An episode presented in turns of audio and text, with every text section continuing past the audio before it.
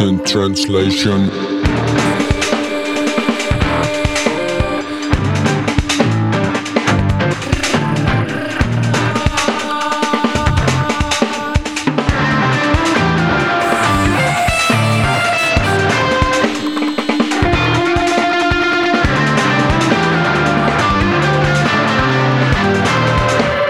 Absent translation.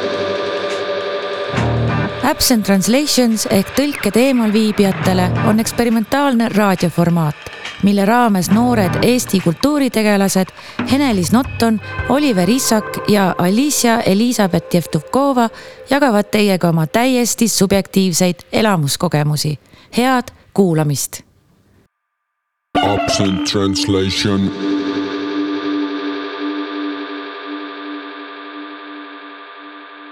maybe it won't be linear, but it will rather be like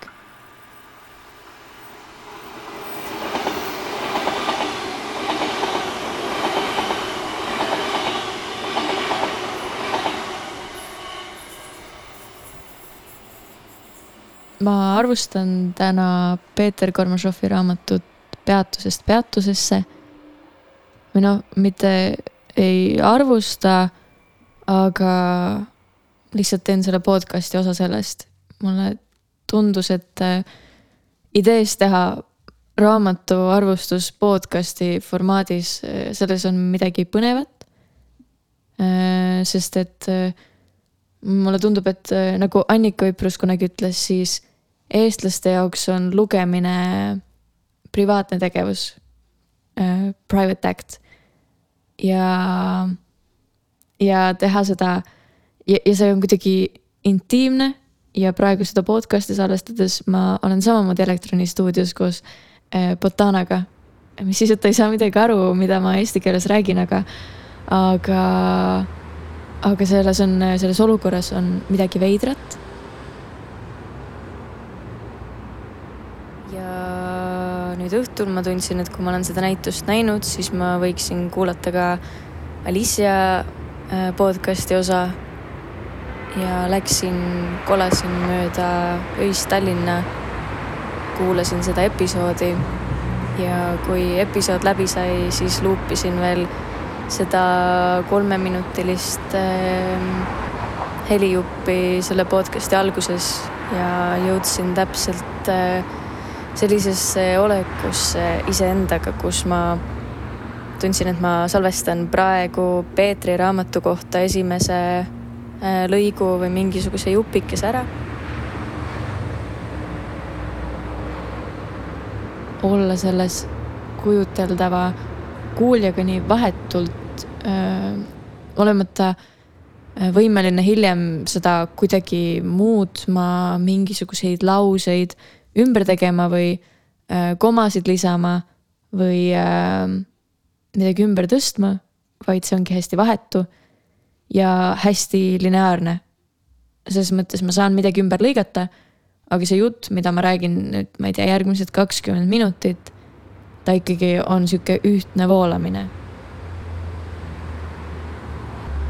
ma käisin täna seda näitust vaatamas ja mõtlesin, et, et, ähm, et need kunstivalvurid, kes Kumus või galeriides töötavad et huvitav, mis tunne on neil istuda seal äh, äh selles äh, Jeremy Show näituseruumis, mis on väga sellist ruumi hõlmav videoinstallatsioon, kus sul on kuus suurt videot, mis kõik näitavad erinevat pilti lisaks heli. ja see on kolmkümmend kuus minutit pikk vist, midagi sinnakanti, kolmkümmend kuus, nelikümmend ja isegi selle neljakümne minuti jooksul mina suutsin sõbrannaga käia, vaadata läbi püsiekspositsiooni uuesti, käia kohvikus ja lõpuks siis nende pisikeste vahetuste peale kokku me võib-olla olime selle aja seal sees ära, aga, aga see tundus nii tohutult pikk aeg. ja kui ma mõtlesin, et need näituse valvurid on selles ruumis äh, päevas, ma ei tea, mitu tundi et kuidas see kogemus neile mõjub. võrreldes siis näiteks sellega, kui sa oled äh, näitusesaalis, kus ei ole sellist, sellist äh, Alicia sõnu kasutades suurejoonelist kunsti, ähm, mis lihtsalt haarab sind endasse ja sunnib endasse sisenema. kui sa istud seal püsiekspositsioonil ja vaatad, äh, ma ei tea, Ülo Soosteri maaliga tõtt või vaatad Viiraltit, mis esmapilgul ei sunni ju sind ähm, endasse sisenema või ei anna sulle tuhandet impulssi. kuidas sa selle aja peale kõikide nende päevade peale äh, nõuab rohkem tähelepanu, süvenemist ja ühel hetkel sa hakkad tundma ennast osana sellest. ja kui palju lihtsamini see tekib, vaadates äh, suurejoonelist videoinstallatsiooni. Ja kuna, ja siis ma mõtlesin selle kogemuse peale, et huvitav, mis tunne oli Alicial teha enda episoodi ja sellise võrdlemisi lühikese kogemuse pealt versus see, et mina olen praegu pikemat aega lugenud äh, Peetri raamatut äh, Peatusest peatusesse. ja, ja lugemine juba omaduselt on aeglasem maailma, maailmasse sisenemine kui ma ei tea, filmi vaatamine või videoinstallatsiooni kogemine. ja,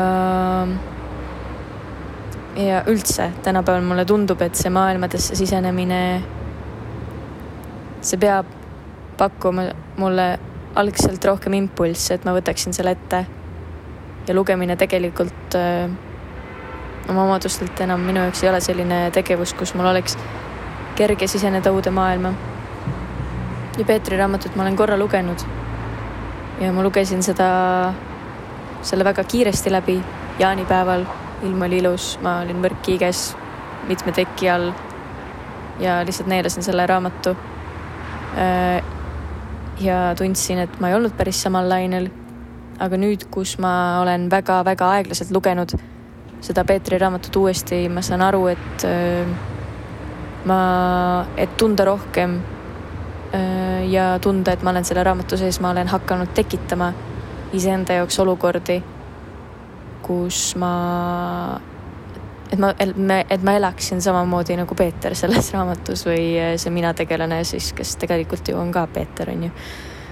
aga elada sellist eh, elu, tunda neid samu tundeid ühelt peolt teise täiesti maniakaalselt voolata läbi inimeste, elada, tunda sellist peategelase kompleksi, voolates läbi inimeste tunda ikkagi ennast üksikuna, tunda seda mingit tühjust, äh, kurbust. Äh.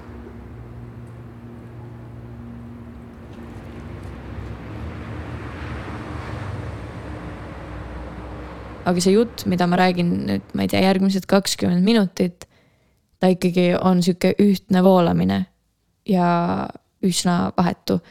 vastupidi, kui raamatu lugemine mm, on fragmentaarne, sa loed seda erinevates seisundites, sa loed seda äh, õhtuti enne magama minekut äh,. sa loed seda pärast väga edukat päeva. sa loed seda pärast halba päeva, sa loed seda rongis samal ajal, kui keegi su kõrval karjub. või sa loed seda kohvikus äh,, kui mingi kohvimasin uriseb kusagil nurgas. Ja see raamatu, raamatu tervikkogemus ei sõltub nii paljudest muudest teguritest kui sellest raamatust endast. ma lugesin seda esimest korda suvel. ja suvel lõpetasid väga paljud mu sõbrad gümnaasiumi või olid esimesel ülikooli aastal. ja mulle tundus, et mul oli suvel väga palju vestlusi teemal, et ostaks piletid ja koliks Berliini ja ma ei, ma ei, ma ei ole kokku lugenud, mitmele inimesele ma seda Peetri raamatut soovitasin. Äh, see tuli vestlustes üles kogu aeg ja mulle tundus, et kõik tahtsid Berliini kolida. ja, ja see Berliin ongi, sellest raamatust tuleb välja, kuidas see on mingisugune mässajate linn, kus kogu aeg midagi toimub. ja mõnikord, kui ma hallis käin, siis ma mõtlen, et vau wow,, et see ongi nagu Berliin, ainult et Berliinis on kogu linn nagu hall aga, aga noh, see vist ei ole päris nii. ja ma valetaksin, kui ma ütleksin, et pärast selle raamatu lugemist ma ei käinud äh, lennupileteid vaatamas, et, et lihtsalt läheks Berliini ja koliks minema. see tundub nagu mingi teine universum mm,. samamoodi seal raamatus. mulle tundub, et see noor Peeter või mina tegelane, kelle, kelle nime ma tegelikult ei tea, aga, aga see vist on Peeter, kuna see on väga päevikulis-, päevikulises vormis kirjutatud raamat ja see noor Peeter läheb sinna, kõlab nagu muinasjutt, aga see Peeter läheb sinna Berliini äh, mässajana. ja ma hakkasin mõtlema, et miks, miks see raamat kuidagi nii rahutu on või mik-, kust see rahulolematus tuleb. ma saan aru, et Berliinis on, tundub, et Berliinis on kõik mässajad. ja kui sa oled üks mässaja kõikide teiste mässajate seas, siis sul lihtsalt ei ole mitte millegagi põrkuda Äh, ei ole seda müüri, mille vastu joosta. Äh, pun intended.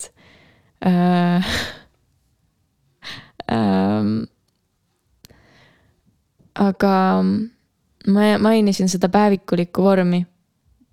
tundub, et see on kõige õigem viis seda raamatut kirjeldada.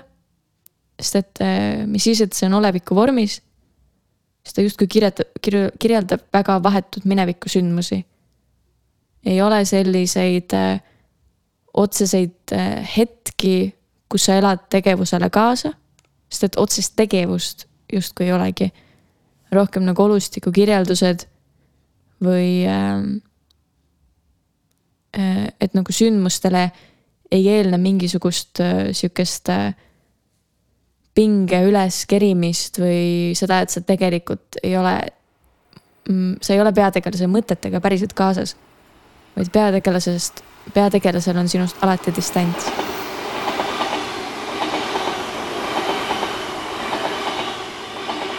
Justkui on isiklik, aga samas peategelane ei lase sind kunagi piisavalt lähedale.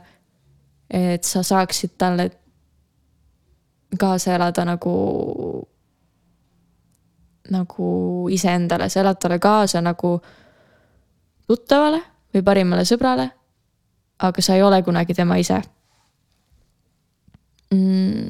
sest et otsused tihtipeale äh,, otsused lihtsalt mainitakse ära kuidagi, et aa ah,, nüüd siis ma otsustasin nii, aga sellele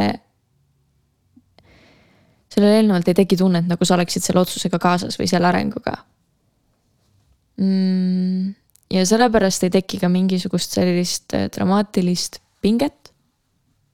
vaid tekib mingisugune elulisus. sihuke fragmentaarsus, see lünklikkus. ja ongi natuke tunne nagu, nagu peategelane oleks su sõber, kellega sa võib-olla iga päev ei suhtle, aga ülepäeviti. ja sa ei olegi kõigega kaasas, mida ta mõtleb. aga sa oled äh, iga teo tagajärjega kursis.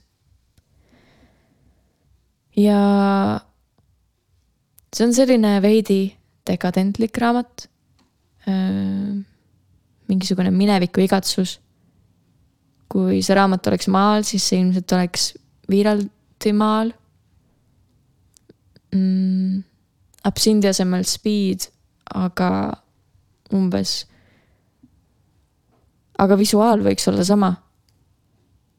Äh, teisel leheküljel kirjutasin ma selle raamatu ähm, lehekülje nurgale hariliku pliiatsiga, et, et alles teine lehekülg, aga juba on süda natuke paha ja tahaks nutta.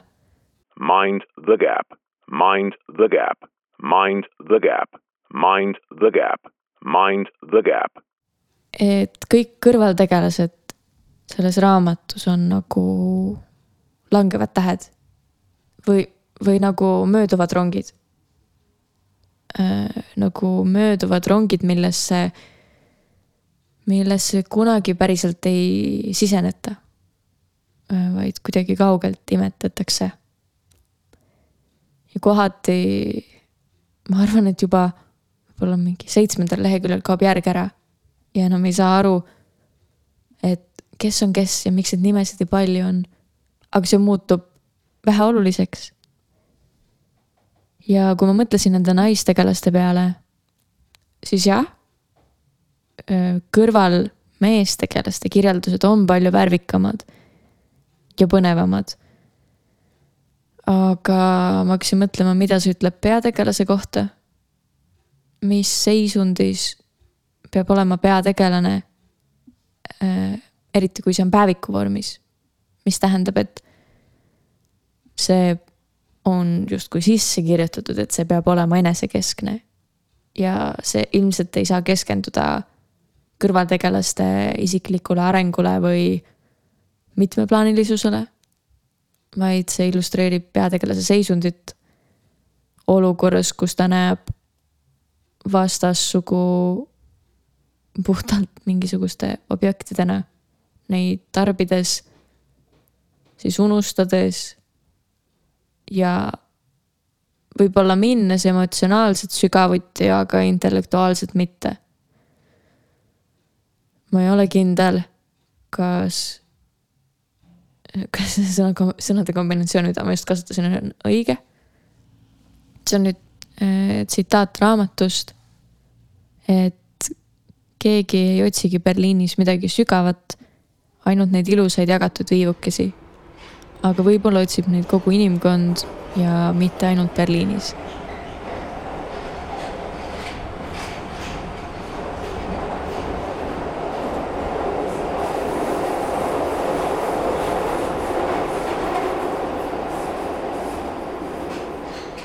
ja sellest üksinduse põlvkonnast äh, ma saan aru ja ma arvan, et Peetri põlvkond võibki olla vabalt üksinduse põlvkond.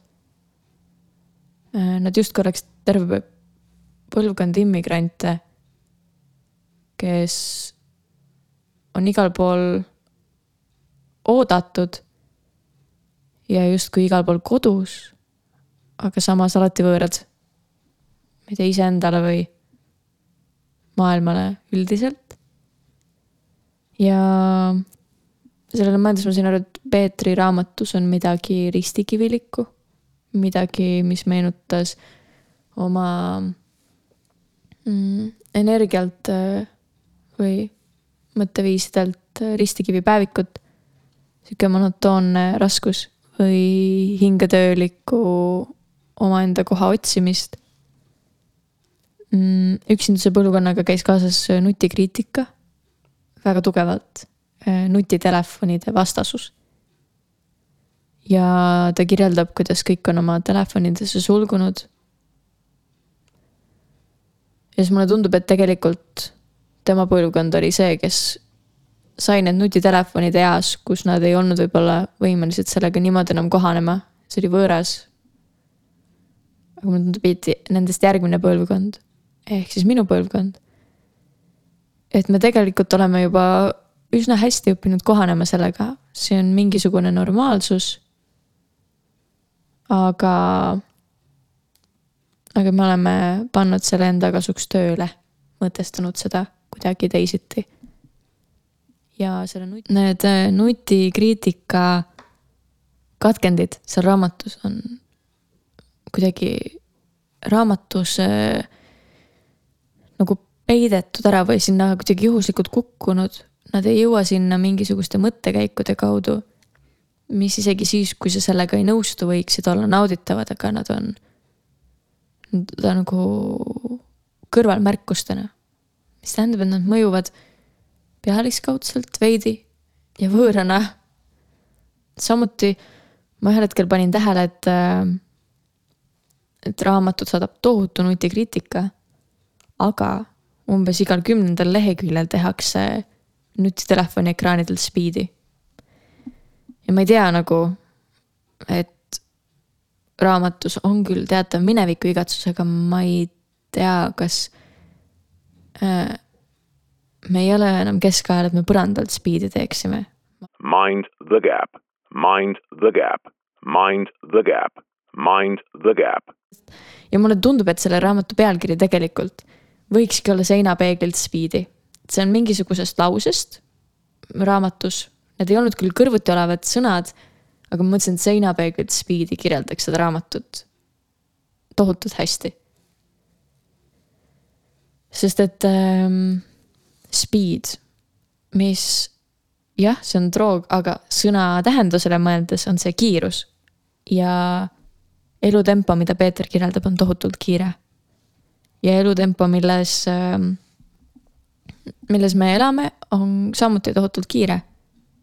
Ja võib-olla pidutsemine ongi viis tulla toime selle elutempoga, mis ei ole naturaalne. ja, ja lihtsalt selleks, et elutempoga kuidagi jooneel olla äh,, siis tulebki lihtsalt igal nädalavahetusel speed'i teha, et endale mingit kiirust lisada. ja see on sarnane, nagu ma olen mõelnud olümpiamängudega, et äh, et, et kui me lubaksime olümpiamängudel dopingu, ükskõik kui palju sportlased teha, teha soovivad. ja siis vaadata, et, et kuhu me jõuame või mis inimestest saab. samamoodi mul on tunne praegu maailmas, et huvitav, mis piirini me jõuame selle kiire elutempoga. et kas mingi hetk tuleb plokk, kus kõik saavad aru, et ei, et see ei ole naturaalne või siis me lihtsalt leiutame uusi drooge, uusi ravimeid, et elada väga kiiret elu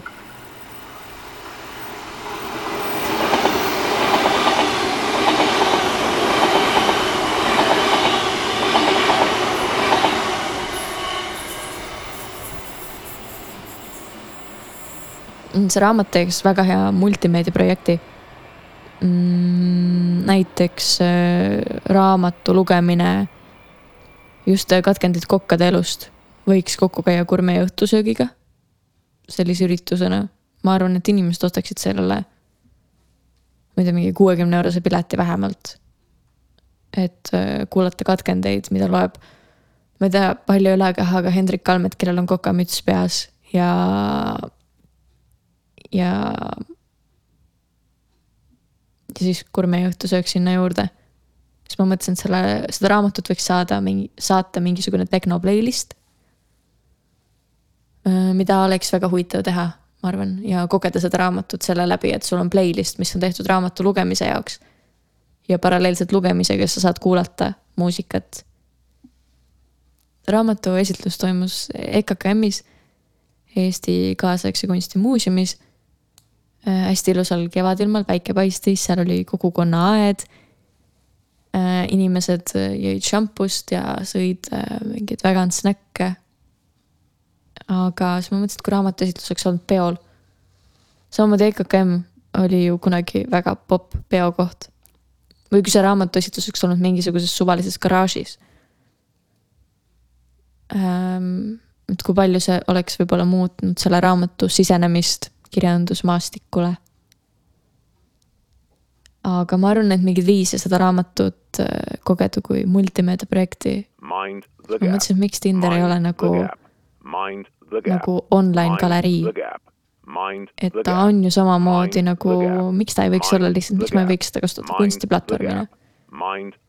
ja siis ma sain Tinderist äh, eluaegse ploki. nii et äh, multimeedia projektid on toredad, aga, aga seda tuleb ettevaatlikult teha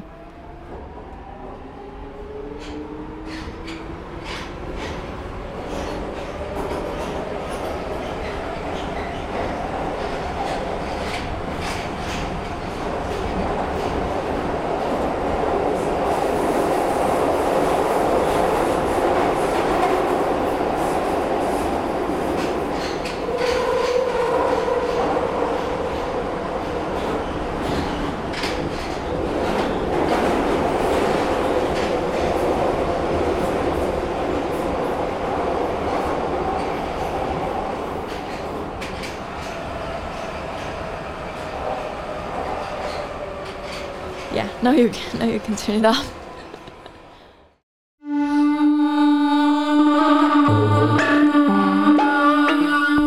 Absent translation.